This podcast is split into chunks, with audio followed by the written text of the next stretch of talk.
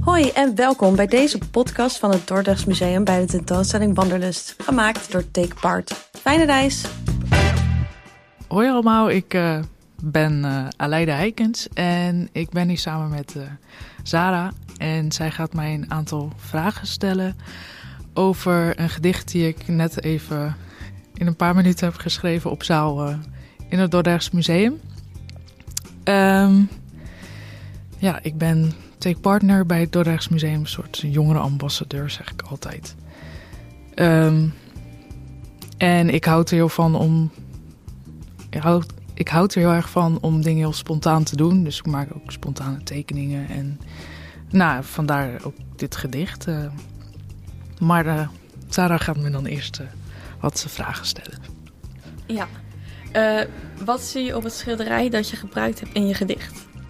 Um, ja, ik heb het over het gedicht geschreven over het werk Gezicht op Rijndal. En dan gemaakt door Barend Cornelis Koekoek.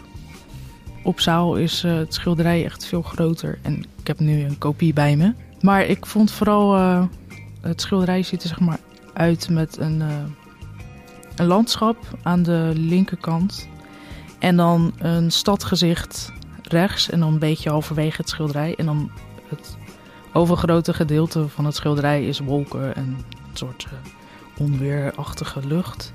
En ik vond het wel heel inspirerend um, om dan te kijken van ja, wat zie ik dan op het schilderij? Um, het licht en donker. Ook um, een man met een uh, paardenkar, paardenkar.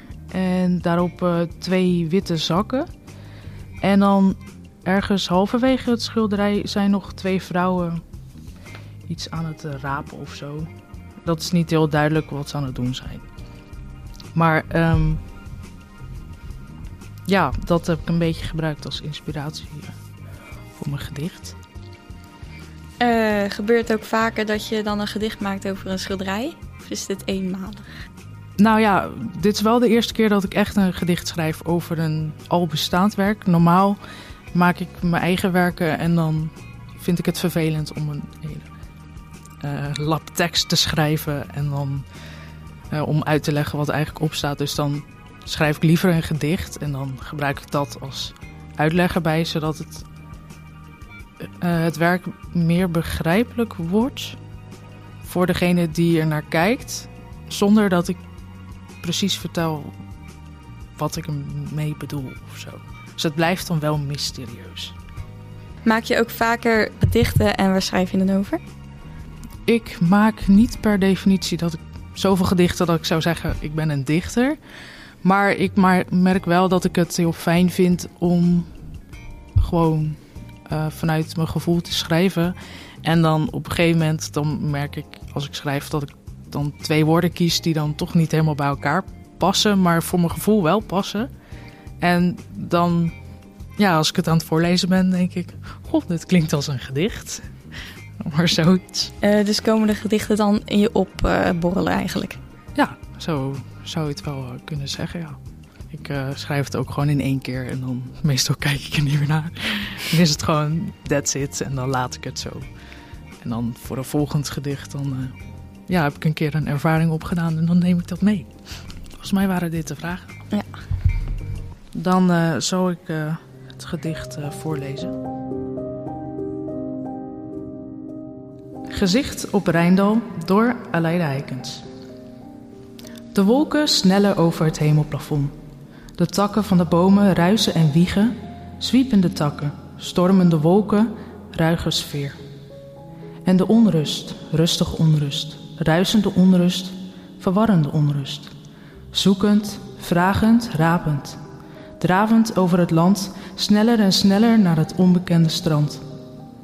Ruige rotsen, water aan het klotsen, zoekend, vragend, banend een weg door de uitstervende stad.